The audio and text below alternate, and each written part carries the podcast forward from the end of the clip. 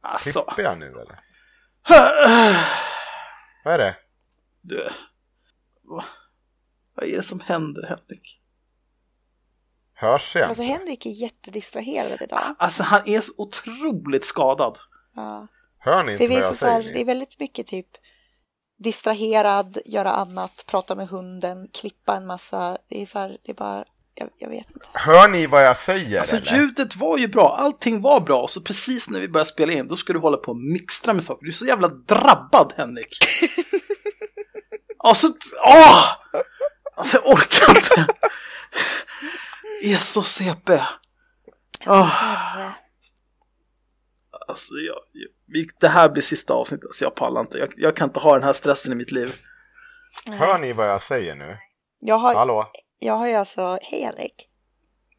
Hör ni vad jag säger? Frågan? Ja, vi har, vi har Ja. hört vad du säger hela tiden. Ja, men varför Tills du svarar ni inte på mixtra. det så jag går ut och in i det här jävla programmet, era jävla CP?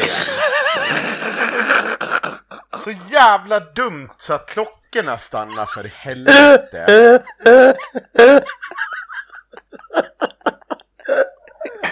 Åh, så jävla trött på det här. Åh gud, jag orkar inte. Klippte Alltså jag är sugen på att rage-quitta innan jag ens har börjat. Åh gud. It is. Åh, wow. Juicy J. Uh-huh. Let's rage. Hej och välkomna till det elfte avsnittet av Haveristerna. Jag heter Axel, med mig har Myra och Henrik. Eh, och idag ska vi prata om Almedalen och folk som är helt jävla dumma i huvudet. Just nu räknar jag helt Vem? det. Ja, okej. För, att, för att du håller på och mixtrar och trycker upp din hund i röven och ska hålla på och gå ut och in i kanalen och bete dig. Mm. Ja, men visst, det, jag tar Det ansvar var för det. ert fel. Era handlingar Nu- har konsekvenser. Jaha, ja, okej. Det var ert fel. Ja, jo, det är klart det var det. En dag kommer du växa upp, Henrik, och då kommer du lära dig att ta ansvar för vad du gör. kan också påpeka att jag alltså har tvingats umgås med Henrik i princip dygnet runt i, i vadå, fem dagar. Och jobbat konstant. Precis, för att alla andra var så jävla glada över att vara med att hänga med det där jävla vraket varje dag. Ja, jag märkte här innan vi började spela in att ni var lite griniga på varandra. Ja, Ja. jag är Ja, trött. det är väl, det är väl helt rimligt. mycket. Tyck synd Ja, om mig. Jag tjänar för dåligt. Åh, Hela veckan. Nu hittar jag ju bara på. Nu- Nu får ni sluta. Okej. Kan ni inte hålla på och kivas? Vi är vuxna människor här. När ni också har fyllt 35 då kommer ni förstå att så där kan man inte bete sig. Jag har ju jobbat medan ni var i Almedalen för någon är ju tvungen att bära samhället. Alla kan ju inte ramla runt som alkohäxan Ingrid med hennes plockepinn Konrad och sitta och steka i solen som idioter eller springa runt och prata med sig själv i någon jävla haschpsykos som Bashir. Eller rulla omkring och vara tjock som Salle. Eh, så jag har egentligen inte så mycket att prata om. Jag, eh, Har du sett några livesändningar då? jag har sett Bashirs livesändningar. Ja, hur kändes det Eh, då? De var jävligt osammanhängande. Ja, var det väl investerad tid? Nej, jag spolade rätt mycket. Men eh, det var ju kul när han skrek eh, på Annie Lööf om våldtäkter. Och sen blev förvånad över att Säpo var framme direkt och tyckte att han skulle gå därifrån. Bashir, alltså jag tycker det bästa var, jag vet inte om du såg när han står bredvid, eh, vad heter han, Fredrik Reinfeldt, eh, och som har Säpo-vakter såklart runt omkring sig. Och så står han och pratar för sig själv om hur, om, man går, om jag går närmare så kommer jag bli gripen. Så har han en Säpo-vakt en meter ifrån sig så man ser bara öronen bara börja dallra och liksom bara, fan är det för jävla galning jag har bakom ryggen? Ja men det är klart, alltså vad tror han ska hända liksom? Om han står och beter sig som att han vore psyksjuk. Det är klart att Säpo kommer hålla koll på honom. Det är, Och det, det, de jag det såg, faktiskt- det var... Vet du vad? Ja. Innan du säger någonting Ja, mer. Jag absolut. måste bara säga att när du säger så här. Om det är någon som lyssnar på det här. Vi är nog problematiska ändå. Men när Axel säger att han beter sig som han är psyksjuk. Han gör ju verkligen det. Han beter sig på riktigt som han har Ja, en jävla absolut. storslagen paranoia. Alltså, jag kommer ihåg för länge sedan innan det fanns mobiltelefoner och handsfree och sånt där. Om du såg någon på tunnelbanan som stod och pratade med sig själv, då gick du därifrån. För det var uppenbart galen människa. Man vill inte vara nära sånt där skit. För de, de bara drar fram 30 mattskärare och börjar hugga omkring sig. Det vill man inte vara med om. Det man slås av när man tittar på hans eh, livesändningar det är att han går ju mest runt, runt, runt och pratar inte med någon. Och så säger han en massa gånger om, han pratar jättemycket om alla frågor han inte får ställa. Eh, samtidigt som han inte ställer några frågor och sen så tror han att alla är Säpo-vakter. Alla. Ja, men vi kan ju lägga till, förutom narcissistisk personlighetsstörning och grandios självbild, så kan vi lägga till paranoida vanföreställningar. Det var en hobbyanalys ja. Ja, visst. Det centrala i alla de här äh, Sverigevännerna som var på plats och berättade om hur det var på Almedalen. Det är att de allihopa sitter och säger att de äcklas av Almedalen. Usch, det är så äckligt att se makteliten mingla runt. Så springer de och försöker mingla runt med hela jävla makteliten. Det enda som var någorlunda konsekvent där, det var faktiskt Bashir, för han pratade inte med någon överhuvudtaget. Det enda han gjorde var väl att prata med Säpovakter om Och själv. igen. Och det var ju mest för att han också själv. Eh, men samtidigt så säger de att de ska ha mer pengar för att de ska komma tillbaka nästa år. Och det är så jävla märkligt liksom så här. De, och man ser, de har ju hur roligt som helst. Jag har ju sett de här Ingrid och Karin sitter och garvar, pimplar vin konstant. Från, alltså, från, jag menar, vi gick ju ner på förmiddagen och där sitter de på baren, pimplar vin. De har det ju hur bra som helst, försöker frottera med Sverigedemokrater och så vidare. Sen sitter de där i podden och försöker spela outsiders. Det är så jävla hycklande. Sverigedemokraterna hade ju ett enormt... Eh, de hade ju hyrt en restaurang precis nere vid hamnen som LO tidigare haft. LO slutade ju hyra den här i och med att de inte hade kollektivavtal. Och sen när de fick, skaffade kollektivavtal så blev de överbjudna av Sverigedemokraterna. Så Sverigedemokraterna betalar två miljoner för att hyra en hel restaurang och täcka den med typ SD-flaggor och SD-blommor och allting. Och på den uteserveringen, liksom mitt i smeten, sitter sen alla sverigedemokrater. Eh, så ehm, det var väldigt, alltså det blev väldigt spännande när man gick förbi där och så tänkte man på att Sverigedemokraterna vill utmåla sig som att de är folket, de är inte etablissemanget. Och samtidigt så är de det enda partiet som sitter på en hel jävla restaurang som de har hyrt för två mille liksom. Där de sitter och, och frotterar sig med varandra. Man skulle kunna säga att det blir lite hyckleri. Men det är väl, eh, det är väl näst största parti nu liksom. Det går ju inte att låtsas som att man inte är en del av etablissemanget oavsett om man inte får vara med och bestämma i regeringen eller inte. Ja, de försöker ju. Har ju, har ju fortfarande ganska mycket inflytande liksom, på vad som händer i svensk politik. Att de fortfarande, jag kan förstå att så här, Ingrid och Konrad som är nazister, att de fortfarande försöker spela outsiderkortet. Det är ju rimligt, för att de är ju outsiders. De satt ju också och minglade på den här SD-uteserveringen för övrigt. Ja, jo, men, men nu, ska vi inte, nu ska vi inte låta det solka eh, det här fina partiet. Bara för att de låter nazister umgås med dem. Det, är viktigt att prata med alla och höra vad alla säger. Att Ta ta in debatten. alla synvinklar. Ja, Såvida man inte kommer från inte rasistmän. För då, så om man då är SD-anhängare så försöker man givetvis att ställa sig i vägen för plakat. Man försöker att eh, skrämma oss genom att låtsas fota oss och så vidare. Men vi kan komma in mer på det sen, Ja. hur, hur folk i den här kretsarna beter sig. Henrik hade ett bra rant om det häromdagen. ja. Kan, jag få, kan jag få ta det här om Bashir nu så kan ni få prata hur mycket ni vill sen, för jag har inget mer att säga. Kör på. Alltså, han, eh, han, han sprang runt och pratade med, försökte prata med diverse politiker och livesände. Eh, det var ju, det, det verkar inte finnas någon riktig plan. Det var varenda gång så var det att han gick fram och började bara skrika om olika saker. Vad, vad tycker du om våldtäkterna, Annie Lööf? Ja, nej, jag vet inte. Jag tycker att jag går härifrån, att Säpo får ta bort dig från mig. Det är en helt rimlig reaktion. Eh, men han var framme med, hos Jonas Sjöstedt och då var det någon i Jonas Sjöstedts entourage som sa nej, vi pratar inte med dig, du får gå nu. Och en kort stund efteråt så kom Säpo och ville prata med honom. Och då stod han alltså med Säpo i säkert fem minuter och frågade om de ville se hans lägg, frågade om de ville titta i hans väska. Alltså verkligen tiggde om att få bli någon slags martyr som var Säpo var ute efter honom. Och sen till slut då, Efter fem minuter så var det någon som ville titta på hans lägg och då blev han jätteglad. Och han menade också att den här lilla, lilla, alltså det var, den här killen som hade sagt att nej, vi pratar inte med dig, han hade ju fysik som Konrad. Det var eh, på inget vis någon som kände sig hotad av honom någonsin. Men han menade att han hade stött, eh, Bashir menade att den här killen hade stött sin axel i honom. Och det kommer han på efter att ha pratat med Säpo i fem minuter. Först då kommer han på att han har blivit misshandlad. Ja, för, för först säger han att han blivit undanknuffad bara. Ja, Det- det är alltså, ja, liksom- det, ja. det är svårt att se på videon för att det är ju det är filmat med en, ser ut att vara en mobil liksom, så att är, man har ju ingen, inget perspektiv Mm. på någonting. Men jag har svårt att förstå varför eh, jag antar att det här är någon form av pressekreterare eller någonting sånt, någon slags handler som Mm. Jonas har där i Almedalen. Och varför han skulle vilja gå fram och knuffa på någon, det, det verkar osannolikt. Men visst, absolut. Vi, vi säger så. Eh, Jag har också fått reda på en massa spännande information om Bashir. Eftersom han, han babblar ju oavbrutet.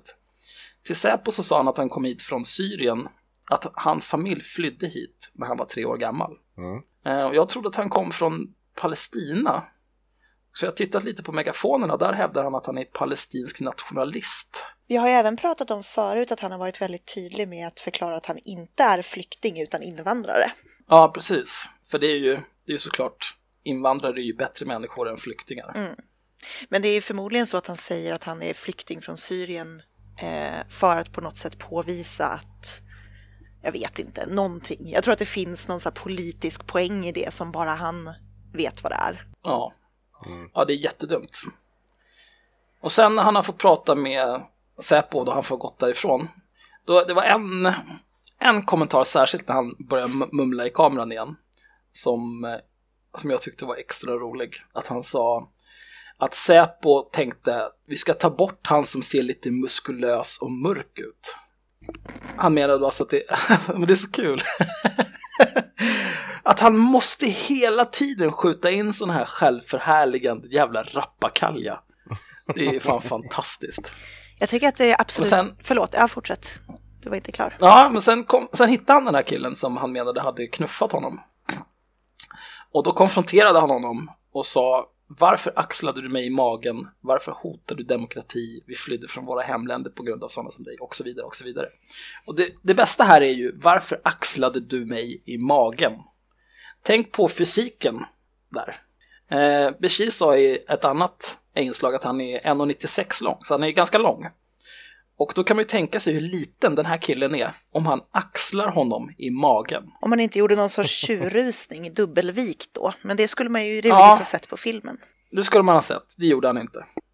Men då, då, då kan man ju fråga sig, hur hotad kände du dig egentligen där Bashir? Du lyssnar ju säkert, snutteponkan. Någon kommer fram och trycker sin axel i din mage. Alltså det är ju typ ett barn. Så kort måste han ha varit. Och det här ska han hålla på och grina om. Vaken.se skrev ju, skrev ju om att han hade blivit misshandlad i Almedalen på grund av den här historien. Det är ju hans gamla kompisar, jävla foliehattar och konspirationsidioter. Jag skulle vilja inflika att, det, att för mig så var det absolut roligaste som hände med Bashir i Almedalen var när han ser David Bas som har skrivit om honom. Och han vill ju då ställa honom mot väggen för att Mm. han har blivit granskad av honom. Så då ska han gå fram till David Bas och sen så gör han det och så säger han Stämmer du att du är pedofil? Det har jag läst på internet. Så det måste ju vara sant, eller hur? För du säger att jag är högerextrem. Och så vidare och så vidare. Och så fortsätter han bara upprepa så här, stämmer det att du är pedofil, stämmer det att du är pedofil? För hans sätt att liksom citat intervjua folk, det är ju bara att gå fram och slänga ur sig en massa anklagelser och inte liksom låta dem få en syl i vädret. Nej, alltså David Bas försökte ju prata med honom där. Mm, han stannar ju och försöker prata med honom. Eh, Ja, men det går ju inte för att han är ju helt rabiat. Nej, nej, alltså det går ju inte alls. Jag tänkte, jag läste en, eh, da, eh, jag läste en text idag eh, från Patrik Oksanen som han, han skrev där han hade varit på vad han hade gjort på Almedalen och sen så skrev han ett, ett parti som, som är väldigt eh, passande. Han skriver nämligen så här. En trend som exploderat senaste åren är att extremister använder journalistikens yttre former för att sprida hat och skrämmas. Men när journalistiken söker svar för att komma så nära sanningen som möjligt så är det här något helt annat. Att gå omkring och direktsända och gå och trycka upp en kamera i ansiktet samtidigt som man pepprar okvädningsord blandat med påståenden samtidigt som nätsvansen hurrar och kommenterar är vår tids gatuslagsmål i Berlin på 20-talet. Oj. Men det det, vi såg enormt mycket av det där och det är precis det Bashir gör. Eh, men han följer ju då efter David Bas efter det där och fortsätter liksom skrika är det sant att du är pedofil? Och blir stoppad av en, en civilpolis som liksom bara så här snällt ställer sig i vägen för honom. Och eh, den här civilpolisen är väldigt trevlig mot honom. Bashir är ju jätteupprörd såklart, men den här civilpolisen försöker liksom väldigt snällt och pedagogiskt, som man pratar med ett litet barn, förklara att så här, Jo, men det är inte det att du inte får ställa frågor, utan du kanske ska tänka lite på hur du ställer frågor och vilken framtoning du har. Eh, för du har en ganska aggressiv framtoning. Säger han Är du liksom. pedofil? Är du pedofil? Ja. Eh, och, han, eh, och han fortsätter ju spotta ur sig att han får inte ställa frågor och eh, ja. Den här polisen har ett enormt tålamod med honom i alla fall. Ja, fy fan de där stackars poliserna. Mm.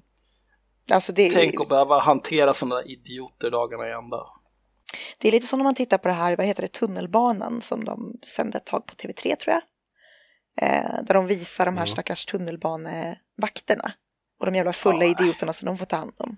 Fy fan. Ja, det är ju the worst alltså. Andra människor, det är ju det absolut värsta som kan hända en. Särskilt om de är fulla, alltså vilket jävla pack. Alltså det var ju, det var ju programmet Tunnelbanan som fick mig att, att inse att när jag blir världsdiktator så kommer jag att eh, införa ett alkoholkörkort. Jag tänker mig att man kan ha så här, varenda gång du ska köpa sprit så måste du visa fram ditt lägg. Och på det här lägget så kan du ha någon sorts stämpel som visar att du är godkänd att köpa alkohol. Och om du till exempel åker fast för störande av allmän ordning eller whatever, då får du inte köpa alkohol på krogen eller på Systembolaget på ett par år tills du liksom har lärt dig din läxa. Oj, oj, oj. Nu kommer Aron fram få vatten på sin kvarn här om fascismen. Ja, men jag är fan, jag är fan okej med det. Alla de här störiga jävla snubbarna som typ har fått i sig lite för mycket. Men det är alltid, ja det finns ju kvinnor också för den delen. Men om man tittar på tunnelbanan så är det ju nästan uteslutande en massa snubbar som liksom blivit överförfriskade och så ska de hålla på och kaxa med de här stackars vårdningsvakterna. Det är som att vara, liksom, jobba på förskola fast alla väger 80-90 kilo. Skitjobbigt. Ja, alltså så mycket jobbiga fulla tjejer tror jag faktiskt. Ja, det känns, fulla tjejer känns nästan som ett icke-problem i samhället. Alltså de är ju jobbiga och skräniga och sådär, men å andra sidan så är de ju rent fysiskt lättare att liksom ignorera. Problemet med fulla jobbiga snubbar är ju liksom att de blir lätt ganska så här våldsamma. Eh, Ja, alltså man ju, ser man en väldigt full tjej så är man, man är ju inte särskilt orolig för att de ska kuka ur och börja slåss helt plötsligt. Nej, så jag, jag tycker, jag tycker Nu att... tappade jag lite fokus. Hur fan kom vi in på fulla tjejer från Bashir Rabani? Ja, Om du hade han lyssnat när vi pratade så skulle du veta det, Henrik. Ja, okej, förlåt. Men du, eh, Ja, hörni, stopp nu, bara tyst en sekund. vadå stopp nu? Vem fan är du? Nej men vi kan, vi kan väl samla, vi kan sammanfatta Bashirs eh, vistelse i Almedalen med att han hann alltså ställa på, jag tror jag räknar ihop ungefär fem timmar när han går runt och svamlar för sig själv. Och det han hinner göra det är att skrika efter Annie Lööf om varför hon inte tar ansvar för våldtäkterna i Sverige. Han skriker efter eh, Jonas Sjöstedt varför han inte pratar om kommunismen. Sen hinner han faktiskt ungefär en minut gå efter David Bas och skrika och fråga om han är pedofil. För det har Bashir läst på internet. I övrigt så spenderar han ungefär 50% av tiden och springa runt och prata om eliten i Almedalen som han vill ställa frågor till som ingen annan ställer frågor till. Och de andra 50% eller 49 procenten, ja, fan är han? Jag nojar över Säpo. Totalt haschnojar över Säpo. Det är typ Ja. det han gör. Det är en kul sak han sa till David Bas var ju Känner du mig privat? För att man behöver känna folk privat för att kunna veta huruvida de är högerextremister eller inte till exempel. Mm. Eh, Och det är ju lite spännande för att det finns ju ganska många exempel där Bashir Abani eh, är högerextremist. Ja, uttrycker, Liksom, ja. uttrycker support för Nordiska motståndsrörelsen och så vidare. Ja, och typ pratar om råttorna som våldtar kvinnor och barn i Palestina och ondgör sig över hur de har infiltrerat media och politik. Så här, det är ju alltså det är inte supersvårt att gissa vilka han pratar om. Nej. Det är, det är ju ganska klassisk antisemitisk propaganda. Mm. Och det- jag behöver inte känna Han honom säger privat också för att för veta. övrigt i ett av de här klippet han- att han eh, vill förbjuda alla etablerade partier. Och det ska bara tillåtas nya. Han, vill egentligen, han säger att han vill avskaffa eh, den demokrati vi har och ersätta den med någon slags förvirrad direktdemokrati. Ja, just det. Han är ju någon slags direktdemokrat och lutar åt libertarianaskålet. Det är ju samma sak som Nordiska motståndsrörelsen säger att de vill göra för övrigt. De vill ju avsätta alla etablerade partier och ersätta dem med direktdemokrati. Mm. Ja, och då så. Som av en händelse. Känner du Nordiska motståndsrörelsen privat, Birre? Tack gode gud nej. Däremot så såg jag när Konrad från Ingrid och Konrad eh, intervjuade Per Öberg eh, från Almedalen. Vilket var väldigt roligt på väldigt många sätt. Eh, en av de roliga sakerna som händer är ju när Konrad säger att han förstår varför folk blir arga när det flyttar in asylboenden i deras närmiljö och bränner ner dem. Det är en rolig Ja. sak som händer. Eh, och sen en annan Han är rolig, så jävla dum. ja, och sen en annan rolig sak som händer också, det är när de börjar prata om homosexualitet och homolobbyn och så vidare. Eh, och de är ju rörande överens om att det här med Pride, det är homolobbyn och de vill ju bara sexualisera allt och så vidare, vet, jada jada. Sivert Öholmska kränktheten och så vidare. Eh, men den, den är ju inte bara liksom nazister som, som säger att den finns. Däremot att, att kalla det för homolobbyn är ju också nazistisk retorik. Nordiska motståndsrörelsen pratade jättemycket om homolobbyn. Sverigedemokraterna pratar en hel del om homolobbyn de också. Jo, men jag säger att det är liksom just, just det uttrycket homolobbyn användes ju väldigt liberalt av Nordiska motståndsrörelsen eh, under deras eh, vistelse i Almedalen. Eh, Mm. Och det som blir lite roligt där, det är ju att mot, precis när de ska avsluta den här intervjun så säger ju då Konrad börjar ju prata om att liksom han ska avsluta där lite snyggt med någon sorts out, outro eh, där han börjar säga att ja, nu är det ju så att jag tror ju att homosexualitet är medfött och att eh, ja, det är ju ett straff i sig att man inte kan få barn och sådär. Och han har ju filmat den här intervjun. Och man ser ju på Per Öberg som sitter bredvid honom att han är jävligt obekväm med att, att hans diskussion blir sammanfattad så. För jag tror inte riktigt att den hållningen är så populär bland hans kompisar. Jag tror inte att han känner att det är en bra representation av hur han ser på homosexuella. Eh, Mm. Vad har Nordiska motståndsrörelsen för åsikt om homosexualitet? Är det Nej, koncentrationsläger? men att det inte är naturligt. Ja, eh, det, det var, det, men det var ju jättekonstigt hela den här intervjun. För helt plötsligt säger Per Öberg att de kan tillåta homosexuella som stödmedlemmar. Och det måste ju vara någon slags revolution inom det här partiet. Och det är jag inte heller övertygad om att det är förankrat i partiet. Att man kan ha homosexuella som stödmedlemmar. Det tror jag inte. Kan det vara så att han ser en chans att göra Nordiska motståndsrörelsen lite mer rumsren nu när det har gått så bra för Sverigedemokraterna?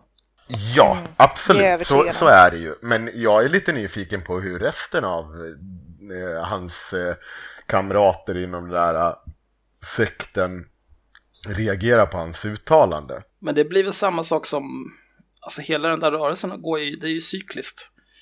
De, Mm. Någon bestämmer sig för att nu ska vi, nu ska vi rensa ut allt det här dåliga och dumma och, och bli Mm. rumsrena och komma in i finrummen. Och så börjar de den processen och då är det en massa folk som hoppar av och så bildar de en snarlik organisation till den som de precis har lämnat. Mm. Fast de är ännu, ännu mer rabiata och psykotiska. Och sen så går det bättre och bättre för de som den ursprungliga organisationen tills den till slut kraschar.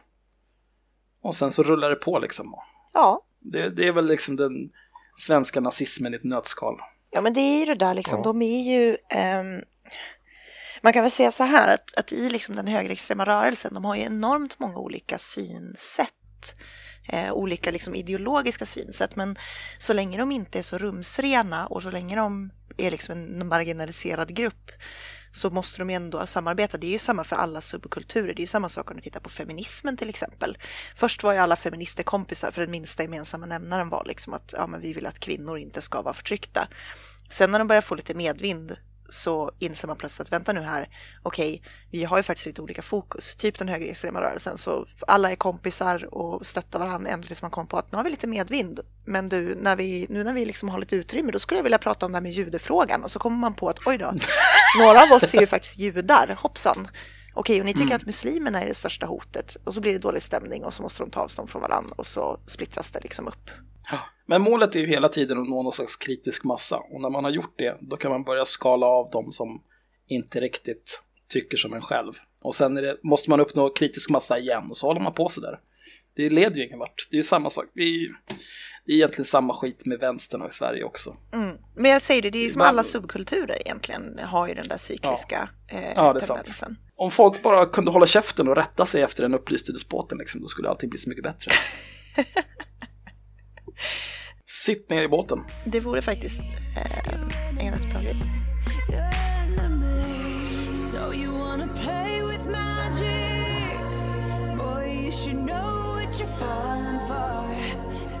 Det jag funderar på lite grann med eh, det här med Nordiska motståndsrörelsen och resten av de högerextrema, det var ju lite intressant nu när de gick ut och kallade Jimmy Åkesson för folkförrädare, Nordfront. För att Jimmy Åkesson sa ju på Jär- Järva, Järvaveckan där att han inte var emot invandring.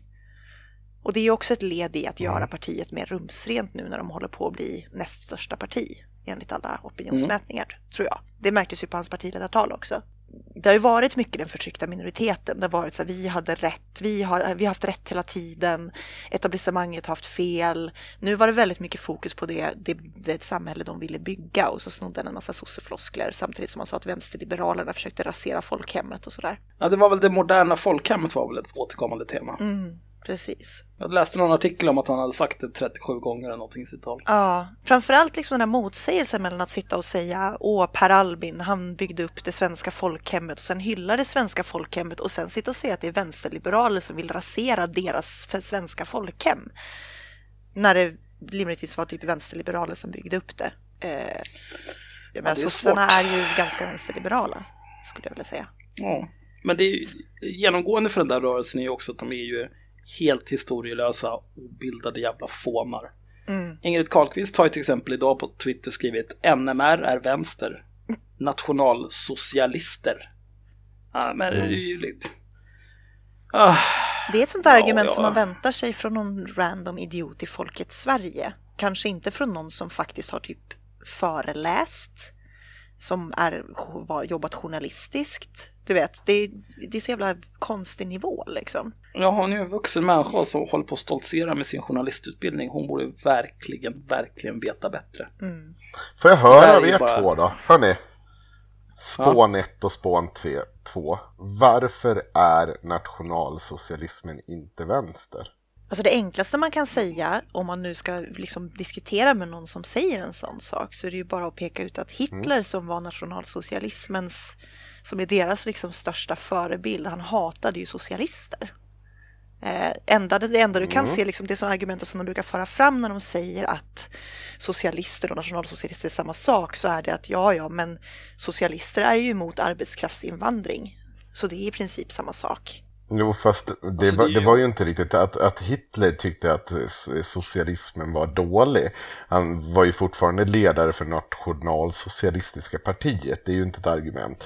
Varför argumenterar man utifrån, alltså så här, hur argumenterar man utifrån ja, men liksom som ett praktiskt politiskt eh, ställningstagande för att nationalsocialismen inte är socialistiskt? Förklara. Ja, men alltså socialism, om man tittar på demokratisk socialism, det handlar ju om en ekonomisk policy eh, som är demokratiskt uppbyggd. Nationalsocialism handlade ju om att bygga en, en central stat eh, som, som byggde väldigt mycket på raslig, eh, vad ska man säga, disk diskriminering. Eh, och det hade ingenting med liksom, det ekonomiska socialistiska systemet att göra överhuvudtaget. Okej. Axel? Alltså, ska man ha en stark ledare på det där viset, då, det, det är inte socialism. Ni hade inte tänkt igenom det här så mycket ni två heller då? Va? Ni hade inte tänkt igenom det här så mycket ni två heller då? Nej. Vad, vad skulle du Tycker du att, national, tycker du att nationalsocialism är vänsterideologi? Ni kan säga varför jag inte anser att det är, det är, det är eh, direkt olikt. För att eh, en grund i demokratisk socialism och, och sånt är också starka fackföreningsrörelser eh, och fristående fackföreningsrörelser. Sen kan man ju argumentera för att kommunismen där liksom satt de i samma båt som partiet och så vidare. Eh, men Hitler och eh, de avskydde ju det här utan det var ju staten som skulle gå in och diktera hur vilka löntagarvillkoren skulle vara. Eh, Och det är en av de där stora grejerna som eh, man ser i fascism och nationalsocialism. Det är ju att staten sätter ju sig samma båt som eh, företagen här. För att de behöver ju företagens intressen om man inte bara stjäl Men, allt men av Henrik, dem. det här är ju precis det jag sa Ja. fast med fler ord. Okej, berätta hur. Axel, hörde du att jag sa precis det här som Jag kan spola tillbaka. Ja, det, jag har sagt ungefär samma sak. Men, Fast eh, utifrån fackföreningsrörelsen. men nej, Alltså- du, det är du som har pratat om fackföreningsrörelsen, men... Ja, jag vet inte. Ja, men om vi tittar på, Där- om vi kollar så här, om vi backar bandet och tittar på eh, till exempel hur man gjorde i de fascistiska staterna. Så sa man ju så här att eh, man pratade om hur eh, de gemensamma intressen, man pratade om ett trepartssamtal. Fast i slutändan så var det ju företagen och eh, eh liksom fascismens ledare som satt i samma båt. Och så var det också i, i, eh, i Tyskland. Eh, även om, liksom för att man behövde ju deras stöd hela tiden. Och det är ju en av de stora skillnaderna om man tittar på när man ska göra jämförelse med sossarna. Som ändå så, ja men okej, sossarna har tagit pengar av eh, och varit med och liksom blivit påverkade av fackföreningsrörelsen. Men man har ju inte varit med och styrt och tvingat på fackföreningsrörelsen ja, på det här sättet som man gjorde där. Alltså jag kan säga så här. Eh, socialism för mig, det är lite grann som The Culture. Eh, en science fiction-serie av Ian M. Banks. Där är alla glada, alla mår bra, alla gör lite grann vad de vill. De har artificiella intelligenser som fattar alla jobbiga beslut och som gör allting som är tråkigt. Allting är automatiserat, alla är fria, det finns inga pengar. Do it. Nazism, det är lite grann som rymdimperiet i Star Wars. Och Palpatine i Hitler. Det är liksom väldigt tydlig symbolik. Och jag vill hellre leva i the culture än i rymdimperiet. Jag, jag, vet inte, jag, jag tycker att det är inte superintressant att, att diskutera Hitler. Mm. Och jag, jag, jag tycker egentligen inte att man överhuvudtaget ens ska behöva prata om varför nationalsocialism inte är socialism eller vänster. Det är lite för dumt, ja. För i, i socialism, inom socialismen, det är ju liksom från var och en efter förmåga till var och en efter behov. Inte skicka alla handikappade, psyksjuka och andra icke önskvärda i koncentrationsläger och utrota dem. Utan man tar hand om dem. Man försöker ha, se till så att alla har det lite trevligt. Det är vänster. Och hålla på och döda folk man inte gillar eller som är annorlunda, det är inte vänster. Hur Om inte skulle du förklara liberalismen då? Den moderna liberalismen. Den vill jag inte ens prata om för då kommer jag bajsa på mig av vrede. Liberalism det är att, att låtsas som att all, all, allting som inte är liberalism det är någon form av extremism. Och alla typer av extremism det är lika illa. Om du, står på ett, om du tar en enmansdemonstration där du har ett plakat där det står mer välfärd, då är det precis lika illa som Islamiska staten. Det är liberalism, det är fullständigt För då vill du ju ta skatt från folk. Och det är lika illa som Ja, att bomba skatt folk. är stöld. Skatteflykt i självförsvar, skattestöld och massa andra jävla dumheter. Om man ska få köpa vin på Ica. Ja, fan vad viktigt det är att få köpa vin på Ica. Skulle kunna tillägga en ehm, grej om nationalsocialismen och det är väl också som det, men det sa han, det, det tillstår jag att ni sa och det är just det där att det är någonstans folkgemenskapen som är det centrala och då menar man ju att det är ja, ett visst typ av folk då som ser ut som oss, går som oss, talar som oss. Jag menar, socialism handlar ju om, om, om liksom en klass, att man ska, att man ska utrota klasser, vilket innebär att man vill göra ett jämlikt samhälle där alla människor är lika mycket värda. Till skillnad från den nationalsocialismen där man snarare vill dela upp samhället efter vissa människor som är mindre värda än andra. Det är det absolut enklaste. Den ena ideologin är inkluderande, den andra är exkluderande. Lyssnarna kan dra sina egna slutsatser om vilken som är vilken. Men hörni, vi skulle ju prata om Almedalen och vi kom ju off track så inåt helvete. Det nu. är Vi bara ditt fel, bara ditt surra. fel Henrik. Ja, men det, nej, det var det inte. Ni började surra om annat, men vi pratar om Ingrid och Konrad. Eh, Jag skulle vilja höra, eh, Myra, hur var det att träffa Ingrid Carlqvist? Jag har ju träffat Ingrid Carlqvist förut. Jag träffade ju henne eh, på den här alt-right, Nordic alt-right eh, pressträffen. Jaha, okej. Eh, Men jag, tror, jag, vet inte om hon visste riktigt vem jag var då. Hon hälsade ju på alla där och så hälsade hon på mig. Jag, jag vet inte om hon var medveten om vem jag var innan hon gjorde det. Men den här gången så var jag ju framme och sa hej till henne och gav henne lite flygblad och sådär som i förbifarten. Det har ju varit jättekul att se deras livesändningar eh, under dagarna. För de, det är ju inte så att de har hållit en livesändning. De har ju gått beskir på sina livesändningar.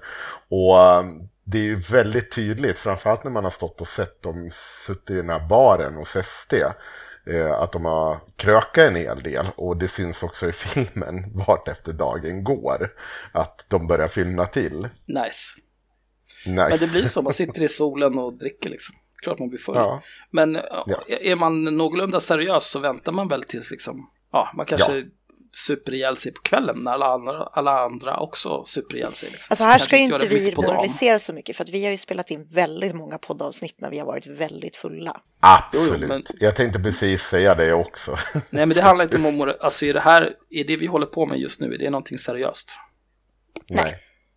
Har vi åkt till liksom en, en jävla ö för att sitta där och granska makten och kom, föra ut någon slags eh, ideologiskt budskap? Det har vi Nej. inte gjort. Nej. Jag sitter här invirad i plädar och vill gå och lägga mig. Oj, redan? ja, men i alla fall. Nej, eh, det, så har, det, har det varit, inte. det har varit väldigt kul att träffa de här människorna. Och jag var ju den första som faktiskt spottade Konrad. Och det är ju så att Konrad har ju hotat mig och er andra ganska många gånger eh, under årens lopp här.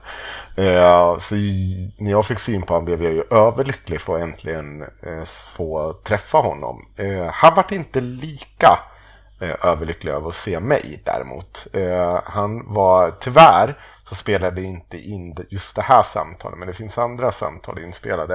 Eh, när jag sprang fram till honom så sa jag bara Konrad! Och han vände sig om. Ja! Ne- nej, säger han ganska fort. jag vill inte prata med dig. Bara, nej, nej, nej, nej, men alltså så här, var det inte kul att, du, du har ju liksom varit på mig så jävla många gånger. Du, du skulle komma till Gullmars, du skulle komma till Göteborg, men du bangar ju hela tiden. Äh, känner du dig hotad av mig? Jag bara, nej, nej, nej, det, det gör jag inte. "Nej, nej, men jag tycker inte om dig. Jag tycker ni, ni är dumma huvudet.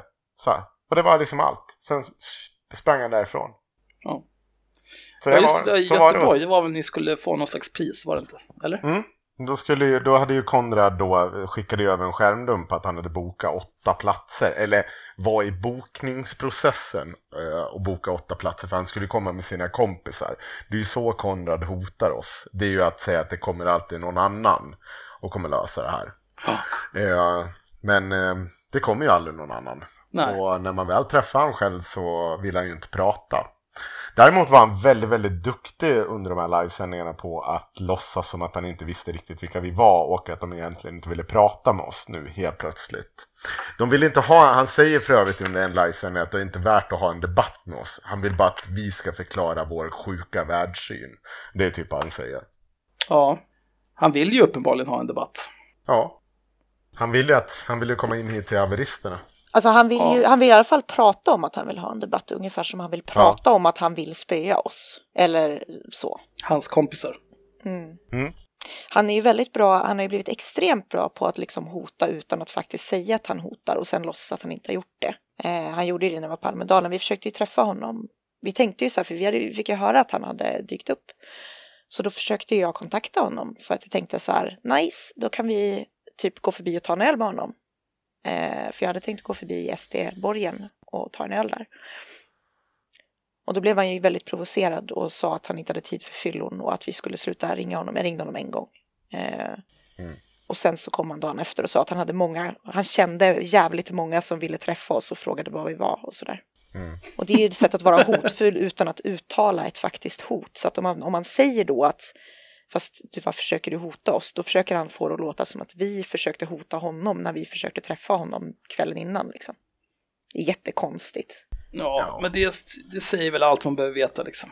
Om man inte ens kan vara ärlig med att man vill ge någon en smäll, då kan man ju bara dra åt helvete. Jag var ju liksom inte ens intresserad av att, jag är aldrig liksom intresserad av att hota honom. Vad fan, det, han vet ju det. Jag har ju suttit, jag har ju suttit fullt fredligt med honom liksom tvärs över ett bord när jag var på den här Nordic Alt-Right-träffen och typ snackat. Han var ju ganska Jo, fast då aggressiv sin hotar han ju retorik mot Axel. mig och typ hotade dig Axel och sådär. Och jag var jättetrevlig mot honom. Jag är liksom inte direkt typen som, som hotar och spöar folk. Eh, men det är viktigt för honom att få det att låta så. Han, Är du ute och röker Henrik? Kanske. Eller flåsar du bara i han, sitter, han sitter och frustar över allt han måste ta avstånd ifrån. Jag sitter och råker. Jag sitter och röker. Idag har jag inte behövt ta avstånd från någonting. Eller så har hans ljud kukat ur igen. Nej, nej. Jag är ute och röker. Du var ute och rökte. Ja, perfekt. Ja. Det, det är bra att du är engagerad Henrik, det, det värmer. Ja. Det är, eh, jag ska bara gå och bajsa så vi hörs om ett tag.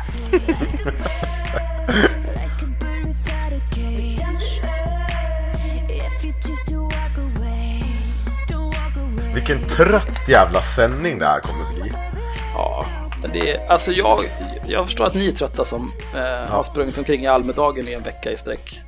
Och dessutom behövt umgås med varandra hela tiden. Eh, jag är trött för att jag hade semester i en vecka och sen kom jag tillbaka och det var fan sådär. Det förstår jag. Vad hände mer i Almedalen då? Vi gjorde en hel del trevliga saker i Almedalen också. Förutom att vi, vi bland, den roliga, bland de roligare sakerna var ju när Roger Salström bestämde sig för att han skulle följa efter oss i tystnad och filma oss. Ja, det var roligt. Det finns en jätterolig film på det för att Henrik började nämligen livesända. När han, hade, han hade ju gått efter oss en ganska bra stund innan du började livesända. För Ja, han, han, vi gick förbi den här Esteborgen och sen så skulle vi bara gå förbi. Liksom. Så vi gick förbi och sen så plötsligt inser vi att Roger Salström går efter oss med liksom sin kamera på så här, och filmar oss. Och eh, så då gick vi ett tag till och sen så började Henrik livesända och prata lite med honom och han var totalt knäpptyst. Och så fortsatte han ju gå efter oss för att förmodligen så kunde han ju inte bara sticka så fort Henrik började livesända för då hade det ju märkts att han tyckte att det var jobbigt. Men han tyckte att det var jobbigt sen när Henrik tog upp det här med att han hade hängt ut en eh, ensamstående morsa som sexköpare. Då stannade han Vi- och ville Ja, inte det är följa lite- med vi längre. har ju fått för... ja, det är oklart om det är det eller om det var uppförsbacken. Men precis, för det fanns en väldigt jobbig uppförsbacke där som vi kom fram till precis när Henrik började nämna det där.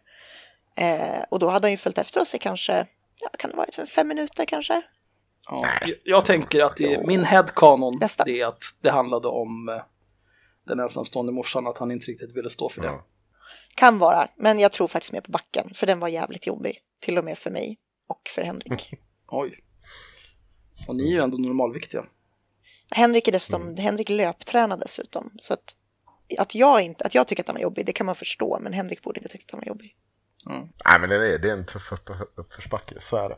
Ja, men, ja, nej, nej, men det var ju väldigt speciellt och det är ju inte första gången, alltså, så vi får ju sånt här efter oss under hela Almedalen. De, alltså, det, jag skrev ju om det alltså, vi, och vi har sagt det förut också, det är det enda partiet som springer efter och fotar då eh, journalister för att man, eh, alltså så här, journalister och meningsmotståndare Eh, i, i så hög utsträckning. Alltså det, det är vansinnigt hur mycket sånt här man får stå ut med. Och det är bara att gilla läget. För att det är ju så att vi är ju någorlunda offentliga personer. Då får vi acceptera att man står och fotar oss. Det, det har jag inget som helst problem med. Eh, Däremot tycker jag att det blir väldigt märkligt just att det är politiker som gör det. För det handlar ju mer om att makten ska ju inte generellt, det ser ju ganska illa ut om makten står och fotar de som ska granska makten. Det, det är väl inte så supersnyggt om man säger så. Ehm, och ehm, det blir ju inte mindre märkligt som när det var en kille som... Eh, eh, det som händer i bakgrunden nu är att det är min katt och hund lajvar Fight Club. Kan du skära huvudet av dem? Men jag kan inte, de är så jävla söta. Ja, okej. Kan du döpa om min din hund? blivit lite... Axel. Ja, kan du döpa om din hund till något annat Nu än går Axel? Axel och luktar eh, någon i röven. Ja, Jag, jag nämner inga namn. nej. Nej, bra. Skaffade Ja, inte du den där hunden efter att du lärde känna mig? Kanske jag gjorde. Tycker du inte att det är sjukt att du döper hunden efter mig? jag tycker det är fint, det är en hommage. Ja, okej. Ja. Jag, jag ska fall, jag- köpa en... Ett av eh, de här tillfällena när man blir fotad, när man lackar ur, eh, som jag tror att de flesta normala människorna hade gjort. Och det kanske låter så allvarligt, men när man har gått runt och blivit till eh, alltså, helt okända personer har sagt både det ena och andra till en och framförallt när den här jävla lilla snorvalpen har sprungit efter oss och var kalostöntar, det ena med det bara gått förbi och fotat oss rakt i ansiktet och sådär. Då blir man ganska lack. Då står jag precis efter Åkessons tal eh, och fotar när Åkesson är med i TV4. Och så känner jag hur någon sträcker fram armen eh, liksom över axeln på mig. Då är den här jävla snorungen som sticker fram och skriker, tar bara selfie! Så klickar han av. Och jag bara, vad fan håller du på med? Så jag lägger ner, jag sätter på min inspelningsutrustning så går jag fram till honom och ifrågasätter vad fan han håller på med för någonting. Och jag är ganska upprörd så jag, jag, jag liksom formulerar mig inte så jävla klart för det jag vill säga till honom att ingen jävla normal människa sticker upp en kamera i ansiktet och tar en selfie utan att man liksom är med och godkänner det. Det, det är liksom så här, du får gärna ta ett kort på mig på håll, det kan jag tyvärr inte göra så jävla mycket åt. Även om jag inte skulle vilja bli fotad vid det tillfället. Men att springa fram och ta en jävla selfie Plyte, det är bara fucking jävla rude. Och du ska hålla dig jävligt långt ifrån mig om du har gjort det. Och då säger den här killen till mig uttryckligen att han gör det bara för att provocera mig. Ja, Och det, är det, låter dig det är liksom det de gör. Vad sa du? Och du låter dig bli provocerad. Nej men det är väl klart jag blir. Ja men alltså så här, jag, jag behöver inte, det han vill ju att jag ska göra bort mig. Inte att jag står och skäller ut honom att han är ett jävla sopa. Eller är en jävla sopa. Det är ju liksom det som är skillnaden. Fast- det är att Ja. jag låter mig bli provocerad till det att jag läxar upp den här jävla snorungen. Fast är det inte det han är ute efter då? Vad skulle han annars vara ute efter? Ja men vadå, då får han väl slå på bandinspelningen. Jag kommer fortfarande stå för det jag säger. För det är inte ett vuxet jävla beteende. Jo, men vad menar du? Han, om han säger att han gör det för att provocera dig, vad är det du Jo, tror att men det är för att han vill fram? ha en bild när jag nitar han. Eller alternativt gör någonting eh, riktigt olämpligt. Det är ju det han vill. Ja, och det får klart. han ju inte. Nej, nej, men det är ju bra. Då lät du inte bli Nej. provocerad. Nej, men jag blev ju provocerad nog att jag går fram och skäller ut snorungen. Ja, men det är väl ganska väntat för alla som känner det. Ja. Jag tycker det var bra. Men så var det. det. Det är så det är och det är liksom man får Roger Salsum efter man får helt okända personer presentera sig inte eller något, så de identifierar sig inte. Vi går ju runt i våra IRM-t-shirtar så alltså man vet ju vad det handlar om. Och det konstiga är ju, och, och det här är ju liksom någonstans tycker jag ändå så att vår gärning borde eh, Eh, ändå så visar det, men, men det är ju inte så. Det är att vi är inte intresserade av de här privatpersonerna som sitter runt omkring. Vi är ju intresserade av att få bilder på våra politiker som vi granskar till vardags. Och så, i så lång och hög utsträckning som möjligt när jag tar ett foto Eh, på folk så går jag ju fram och frågar. Men när det är så att när de är kring den här så kallade Esterborgen då försöker man ju fota så många som möjligt. Och sen kör man liksom att ja men här har vi en politiker, ja den kanske sitter och äter. Och så får man ju skugga de människorna som sitter i bakgrunden. Det är inte så... Eller så får de sitta med som precis som när man tar en politiker, eh, bild på en politiker i en folksamling som annars. Det, det är liksom, man är inte intresserad av de andra. Men de här människorna tror ju på riktigt att man har någon slags jävla arkiv hemma. Där man sitter och Jo, men det, liksom bara... det är ju för att de tror att ni åsiktsregistrerar folk. Ja, Precis. Vi har ju en, det finns ju en poäng i att vi går och fotar folk och det är för att vi skriver ju frekvent om de här människorna. Eh, och då vill ju vi ha egna bilder att använda. Mm. Som vi kan använda när vi skriver om de här människorna istället för att vi ska behöva använda någon annan fotografs bilder till exempel. ja. Eh, så att vi använder ju liksom, vi, vi har ju de här bilderna till någonting medan de här SD-politikerna Eh, de gör det ju bara för att, alltså de har ju fått det här från den högerextrema rörelsen, det är ju uppenbart. För att det där är ju liksom ett maktmedel för den högerextrema rörelsen. Just för att de åsiktsregistrerar ju folk. De, är ju, de brukar ju gå runt liksom och trycka upp kameror i ansiktet på motdemonstranter och liksom flina och ta bilder på dem. Och det är ju ett förtäckt hot. Eh, Och de har ju tagit efter det därifrån, alla SD-politiker. Jag och Henrik går Ja. in i SD-tältet. Helt så här, vi har ju på oss våra tröjor, det är liksom ingenting konstigt, vi, liksom, vi visar ju vad vi står för.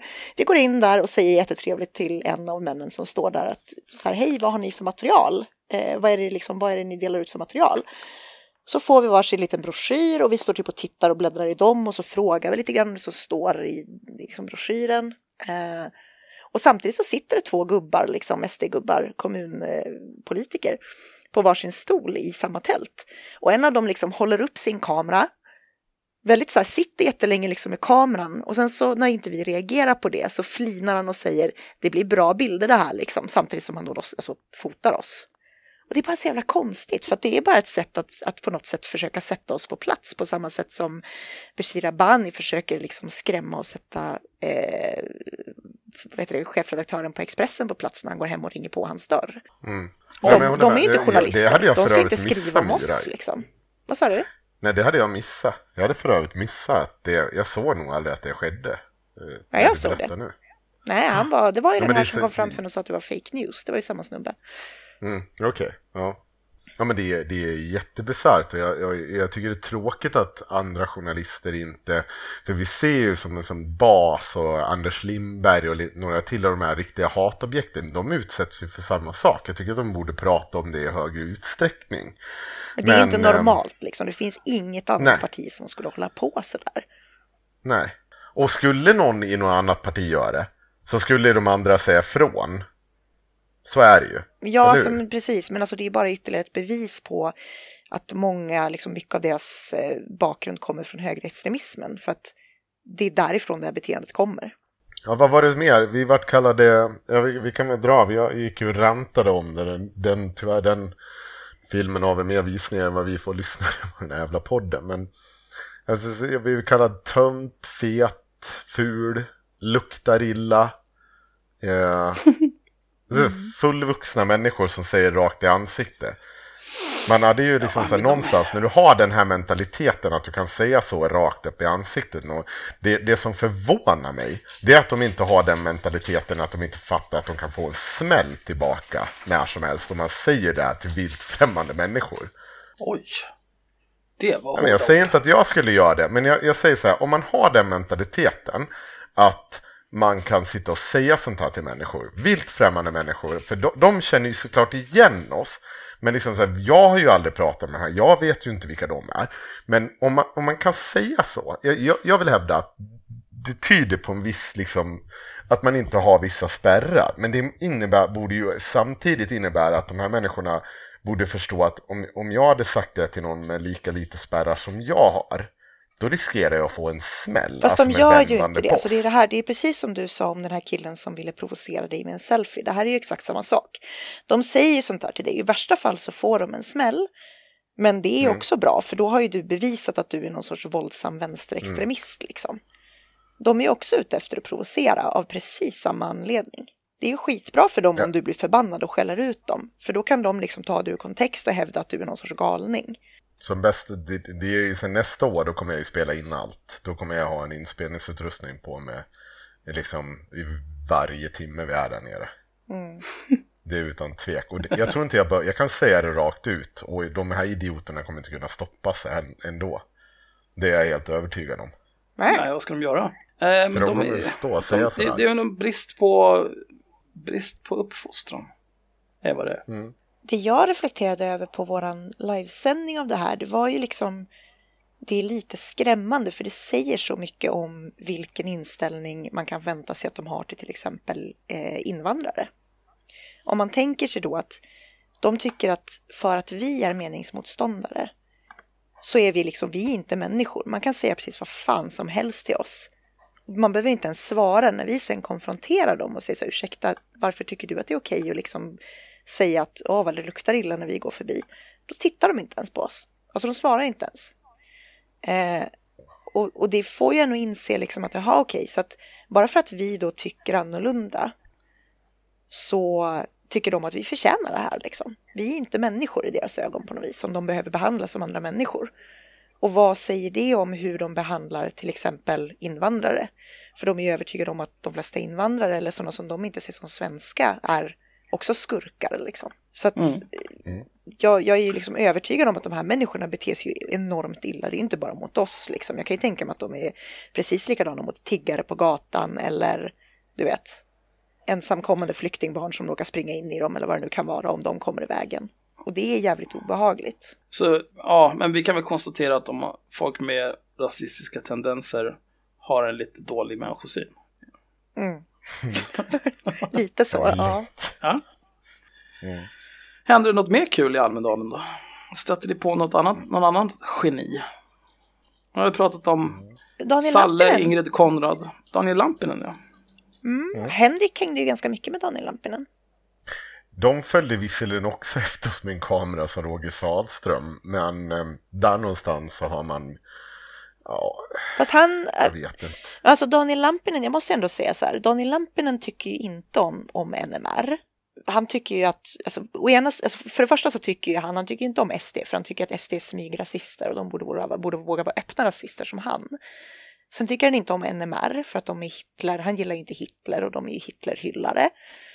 Och fördelen med Daniel Lampinen jämfört med Roger Salström är att för det första så lyssnar ju Daniel Lampinen faktiskt. Han kom ju fram, jag var jättestressad där på fredagen när jag sprang in i honom för jag höll på att försöka samordna en massa saker. Och hälsade på Daniel Lampinen och så ville han ta en selfie med mig och han frågade om han fick ta en selfie med mig och så var Henrik också med. Eh, och sen så ville han ställa några frågor till mig och jag sa faktiskt att jag var jätteupptagen. Och då backade han ju liksom. Och, och lät mig hålla på med det jag höll på med. Så att det var faktiskt väldigt stor skillnad. Men han har Ja, fått så en jag, uppfostran. jag säger faktiskt till, Roger kom ju och körde upp kameran mitt ibland oss när vi stod och gjorde ordning oss för aktiviteten kring NMR. Eh, och då sa jag till Roger, du får gärna filma det här, men backa för fan och håll dig undan. Du kan ju inte stå mitt ibland oss. Eh, det har vi inte gett dig någon jävla tillåtelse för. Du får backa ut. Så är det liksom. Men eh, han respekterar inte det så jävla noga. Han sprang ju där ändå. Eh, så det är, väl, det är ju sjukt att den öppna rasisten håller sig på bättre avstånd när man ber honom om det än det barbapappa.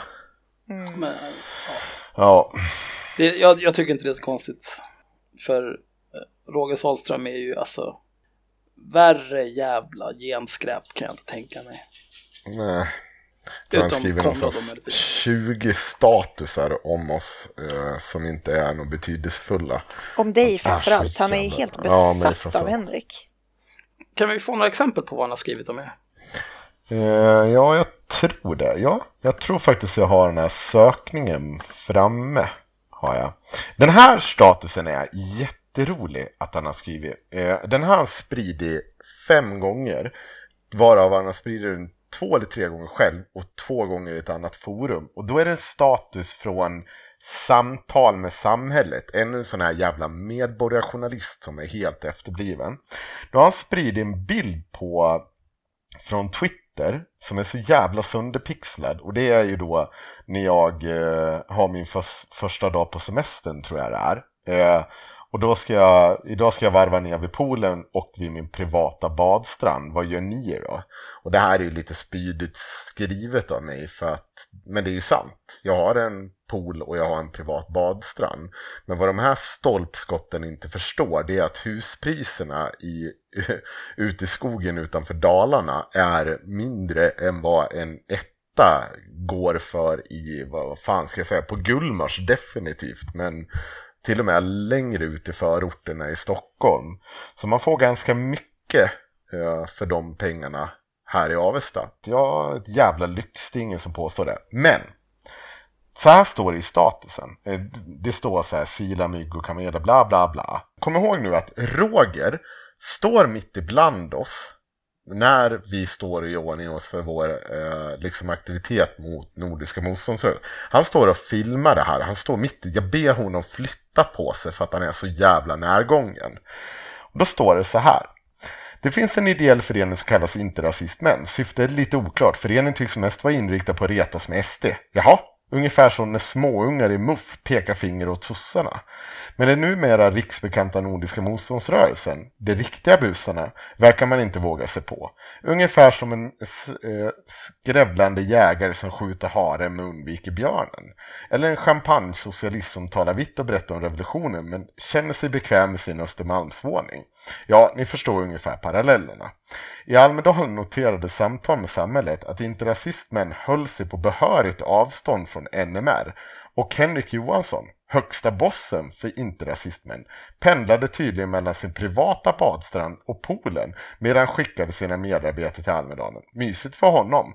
Allt medan NMR tydligen skrämde vett ur hans kollegor i Almedalen. Det finns, eh, det, som, det finns som antytts ovan många uttryck för detta beteende. Syla, mygg och svälja kameler brukar man väl allmänt ofta säga. Samtidigt med samhället nöjer sig med att kalla interrasismen för en grupp fegisar med, med allt för hög svansföring. Det här samtal med samhället, vem fan är det? Ja, men det, är bara, det är bara ytterligare en sån jävla granskning Sverige-idiot som ringer folk och bara säger konstiga saker som inte är relevant. Det är alltså någon som, Ja, någon som sitter bakom någon slags nom de ja, guerre. jag har faktiskt funderat på Och- att ringa upp honom. Ja, men det, det är alltså ingen som framträder med sitt eget namn. Men sitter ändå och kallar och han andra har fega. bild på sig i alla fall. Ja, ja men skit samma. Det, är- men, men äh, det sjuka här det är att. Roger Sahlström sprider den här informationen. När vi har honom på film. När jag går med honom på film i Almedalen. Mm. När han står och filmar oss när vi gör oss redo för manifestation mot Nordiska motståndsrörelsen. Det är Han så vet ju att jävla det här är sant och han sprider det ändå på tusen olika Ja. ställen. Ja men det är så jävla, alltså du är sån äcklig jävla propagandist. Du är sån äcklig jävla lögnare. Och du ska fan, du står på högst upp på min Gulag-lista som jag har på kylskåpet. Jävlar. du ska dit först av alla och jag ska signera det när jag tar makten. Så är det bara. Du är så jävla äckligt att man kan sprida sån här jävla, alltså dumheter. Jag tar avstånd, jag tar avstånd från att människan? Henrik vill skicka Salle till Gulag. Jag tar avstånd.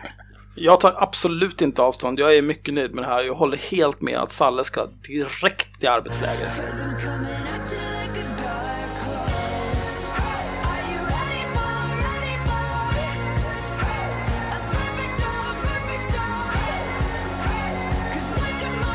Ska jag ringa upp honom? Nej, nej. Nej, Nej, ja okej. Jo, men gör det. Gör det. Gör det. Jo, gör går det. Det blir kul. annat gå, gå åt helvete det här. Och jag, jag kan sätta på högtalartelefon. Ni kanske hör det här bra inspelningen. Jag vet inte.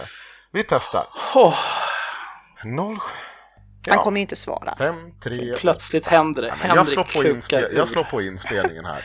Henrik har kukat ur hela på- veckan. Så fort jag har vänt Ja, ryggen nej. till så har Henrik kukat ur. Ja, men nu är jag trött Det på det är här. jätte- Det här jävla stolpskotten. Vi testar. Nej, han vill inte svara. Okej, men vi- jag, jag ska se om jag kan få tag i den här människan innan Myra har eh, gjort en redigering på det här klippet. Så kanske hon kan klippa in det. Så ska vi ställa den här jävla samtal mot samhället ett par frågor. Framförallt så ska jag ställa den första frågan jag ska ställa honom. Det här är alltså publicerat i morse 07.04. Den 9 juli är det idag för övrigt. Bilden vars man enkelt kan se, för det står med stora bokstäver, är tagen på eh, eftermiddagen den första juli. Om den här jävla människan är totalt jävla analfabet när det kommer till datum så borde han förstå att det här Ja, var men- inte under NMRs jävla tillställning. Den lilla Men det jävla är klart att han inte tror det. Det där är ju bara propaganda. Det är ju inte, alltså, jag var ju inne i den där tråden till och med och skrev. Nu ringer han, hörni. Ja, okej. Vänta. Nu testar vi. Henrik? Hallå? Hallå? Jag tror mig nu. Eh, hej, jag kommer till samtalet med sam- samtal med samhället. Med samhället. Ja, samtal med samhället.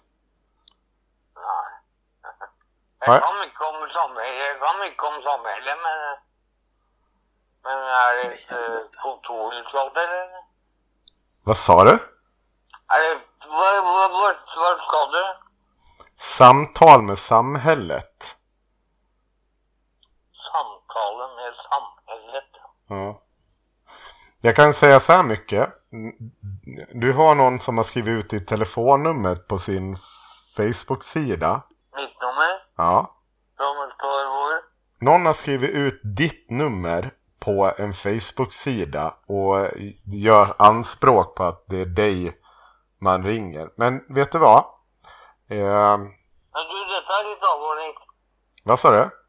Detta är lite allvarligt. Vad är- Mm, men det är någon som gör det. Vad vad är vad är det för att få, för att få slut på den? Eh, Jag vet tyvärr inte, men jag kan skicka dig, jag skickar dig ett sms med den här sajten eh, så att du kan få se det själv. Men det kommer lite senare. Jag kommer göra det, vad säger du? vet Ja, inte, det är ingen fara. Jag fixar det. Lycka till. Ha det bra. Hej. Ja, ni ser ju själva. Hördes det där bra? Ja, nej. Ja, äh, sådär. Alltså det Ja. lät som... eh, Det lät, som ett jag norskt fyllo. Som Rotvälska. den här personen hade gett ut sitt nummer till. Ja, Men, men det, vi kan alltså konstatera här nu att den personen du ringde inte är samtal med samhället. Nej, det var ett norskt, eh, en norsk berusad man lät det som. Ja. För att vara krass. Ja, det var ungefär så det lät här också. Så det är någon som, ja, det han har lagt ut någon annans nummer. Vilket Det kan ju jävla- vara allt ifrån att han ogillar den här människan eller något sånt Han där. kan ju ha skrivit fel också. Det kan han ha gjort, men jag vet inte. Kanske det känns kanske som ska- att man... kommentera på samtal med samhället där att det där numret, det verkar gå fel. Mm. Skicka gärna ditt riktiga nummer. Jag, kan, jag skriver till samtal i samhället och ser om man eh, frågar om vi kan ringas. Mm, men så här, vi kan ju konstatera att de är inte intresserade av om det där är sant eller inte. Jag var ju inne och kommenterade Nej. på just den där statusen och skrev att Henrik Johansson från IRM var faktiskt i Almedalen och manifesterade mot nazisterna. Och de har ju svarat på den kommentaren och skrivit typ ja, det var ju bra att de vågade ta tag i det, men de har ju inte ändrat sin status. Så att de är inte så Nej. där jätteintresserade av att faktiskt, alltså de vet ju om att de sprider är lögn, liksom. det har de ju bekräftat. I och med att de svarade på min kommentar. Ja, för att det här är människor, det är pöbel, det är inte några jävla journalister. Det, det är är bara propaganda. propagandister. Det är Mats Dagerlind liksom. Mm. Så går det. Och det är det här vi får sitta och stå ut med. Och sen sitter de och grinar över att vi fatshamear folk. Jag är så jävla lack över allt. Jag, jag kan tänka mig att det här med att Bashir gick efter David Bas och skrek “Jag har läst att du är pedofil”. Det kommer, Mm. det kommer göra att ett par personer kommer börja prata om att David Bas är pedofil. Och Ja. tro att det är på riktigt. Mm. För, för Det är de här människorna är helt hjärndöda och helt oförmögna till någon form av kritiskt tänkande. Ja, Och då, då, ja, nej, ja, bleh. nej, det blir arbetsläger. ja jag har en hund som försöker pussa mig i ansiktet. Är det Axel som Han heter det? Axel. Kan du inte bara säga Axel försöker pussa mig i ansiktet Jo, nästa gång? för det glädjer oss så mycket mer. Problemet med Roger Sahlström, det ska man ju klart för sig. Det är ju att Karn skriver ju alltså ett hundratal statusuppdateringar per dag. Jo, men det är, det är, han är ju likadan Ehm. på Twitter. Eh, jag räknade ut det, fan jag har förträngt alltihopa, men han, jag tror att han skriver i snitt eh, typ 100 tweets om dagen eller någonting.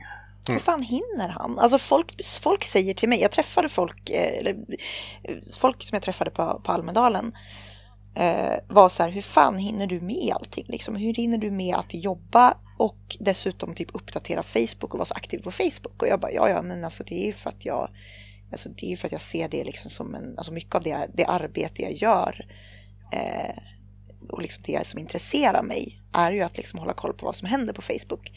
Men Alltså jag, är ju, jag kan posta kanske två gånger om dagen, inte hundra. Jag förstår Nej. inte hur han hinner. Nej, inte jag heller. Men här då, han skriver så här. annat. Interrasismen har verkligen, eh, har verkligen inte imponerat med sin argumentation i Almedalen. Som en Duracell-kaniner på schack har de, har de mest väst och spottat och kallat människor för äckliga svin. Det har vi inte Notera gjort. människor. Vi har Nej. inte kallat dem för Henriks äckligt. människosyn och sanning kommer fram under veckan. Han har sett trakassera kvinnor eh, och även varit hotfull mot barn.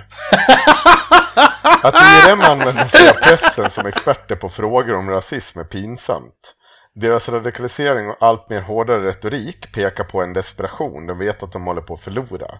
Själv försöker jag efterleva tanken om att man är stor ska man vara snäll, precis som Barbapapa. Ja, nog fan är han stor jävla fettsäck. Alltså det, vet du, jag kom på vad det är han refererar till när han säger att du har varit hotfull mot barn. Vet du vad det är? Nej. Är det han du skrek om selfien? Nej, Eller stal Nej. du någons glass? nej. Eh, Utan det han, det han refererar till är i det här rantet som eh, Henrik blir väldigt förbannad vid något tillfälle. Det är efter han har bråkat med den här med selfien. Så har han en livesändning där han rantar om eh, hur de här jävla Sverigevännerna behandlar oss som skit som jag har pratat om tidigare i podden. Och eh, något tillfälle där så säger han att eh, jag menar, om man har, man skulle inte tillåta ett barn att typ springa runt och säga sådana här saker för då skulle det vara en jobbig ungjävel eller någonting. Du säger någonting sånt. Och jag lovar det att det är det han refererar till för att du skriker någonting om jobbiga ungjävlar liksom. Oh. Grasping at straws Ja. alltså. Nej, Ja, jag tycker okej. du ska, det där är ju en förtalsanmälan. Absolut. Ja, så vi får se. Det är, men det- är ju sådär. Alltså, så, vi vet ju att det är så här, eller jag visste ju att det är så i alla fall. Ehm, Jag vet inte, vart du förvånad Myra? Jag vet inte, jag har inte, jag har inte frågat dig det. Vart du? Ehm, alltså jag tar... jag varit förvånad första gången jag var på Almedalen och liksom Alltså du ställer frågor och sen så avbryter du mig för att prata själv. Ja, det, det, här, det här är anledningen till att när jag umgåtts med Henrik en längre stund så blir jag väldigt, väldigt känslig för allt det här mansplainandet han sysslar med. Det liksom tär på mig efter ett tag. Nej, alltså det... Jag, jag tror, jag får inte ta lika mycket skit som du för det första.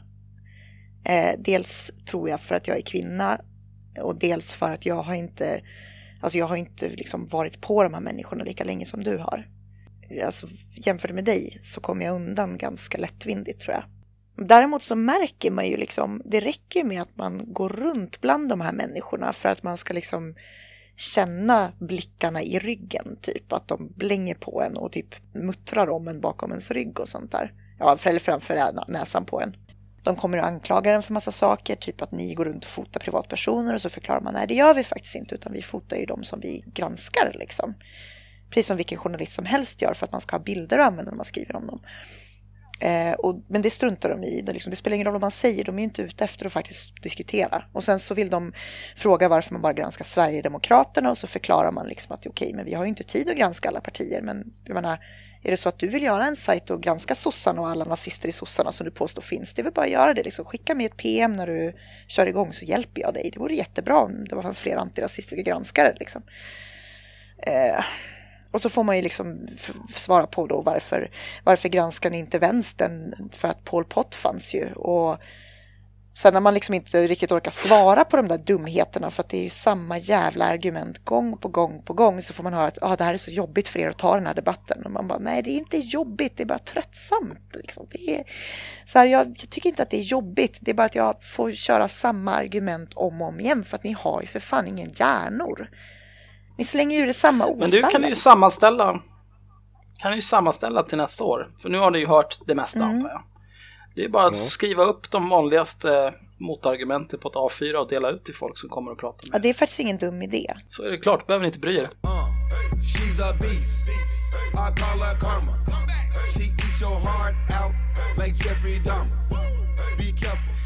Nordfront har utropat Almedalen till en nationalsocialistisk zon. Motståndsrörelsen segrade och Almedalen förvandlades till en nationalsocialistisk zon. Nu bygger vi en massrörelse. På vilket sätt tycker de att det är en nationalsocialistisk zon? Är det bara för att de har varit där eller? Ja, de har varit där. Ja, men då är det väl i så fall en, en antirasistisk zon. Vi var ju där. Nej, nej, de sa det först. Stjärnstopp, stjärnstopp.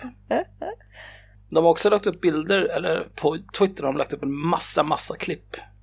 Från när någon håller tal och alla är typ så här 20 sekunder långa. Jag fattar inte, varför lägger de inte bara upp en video? För att de är tekniskt inkompetenta förmodligen. Och det är ju inte mycket folk där och tittar alltså. Nej, det var väldigt många som där tittade som bara var där och för att liksom, du vet, för freakshow-faktorn tror jag. Ja.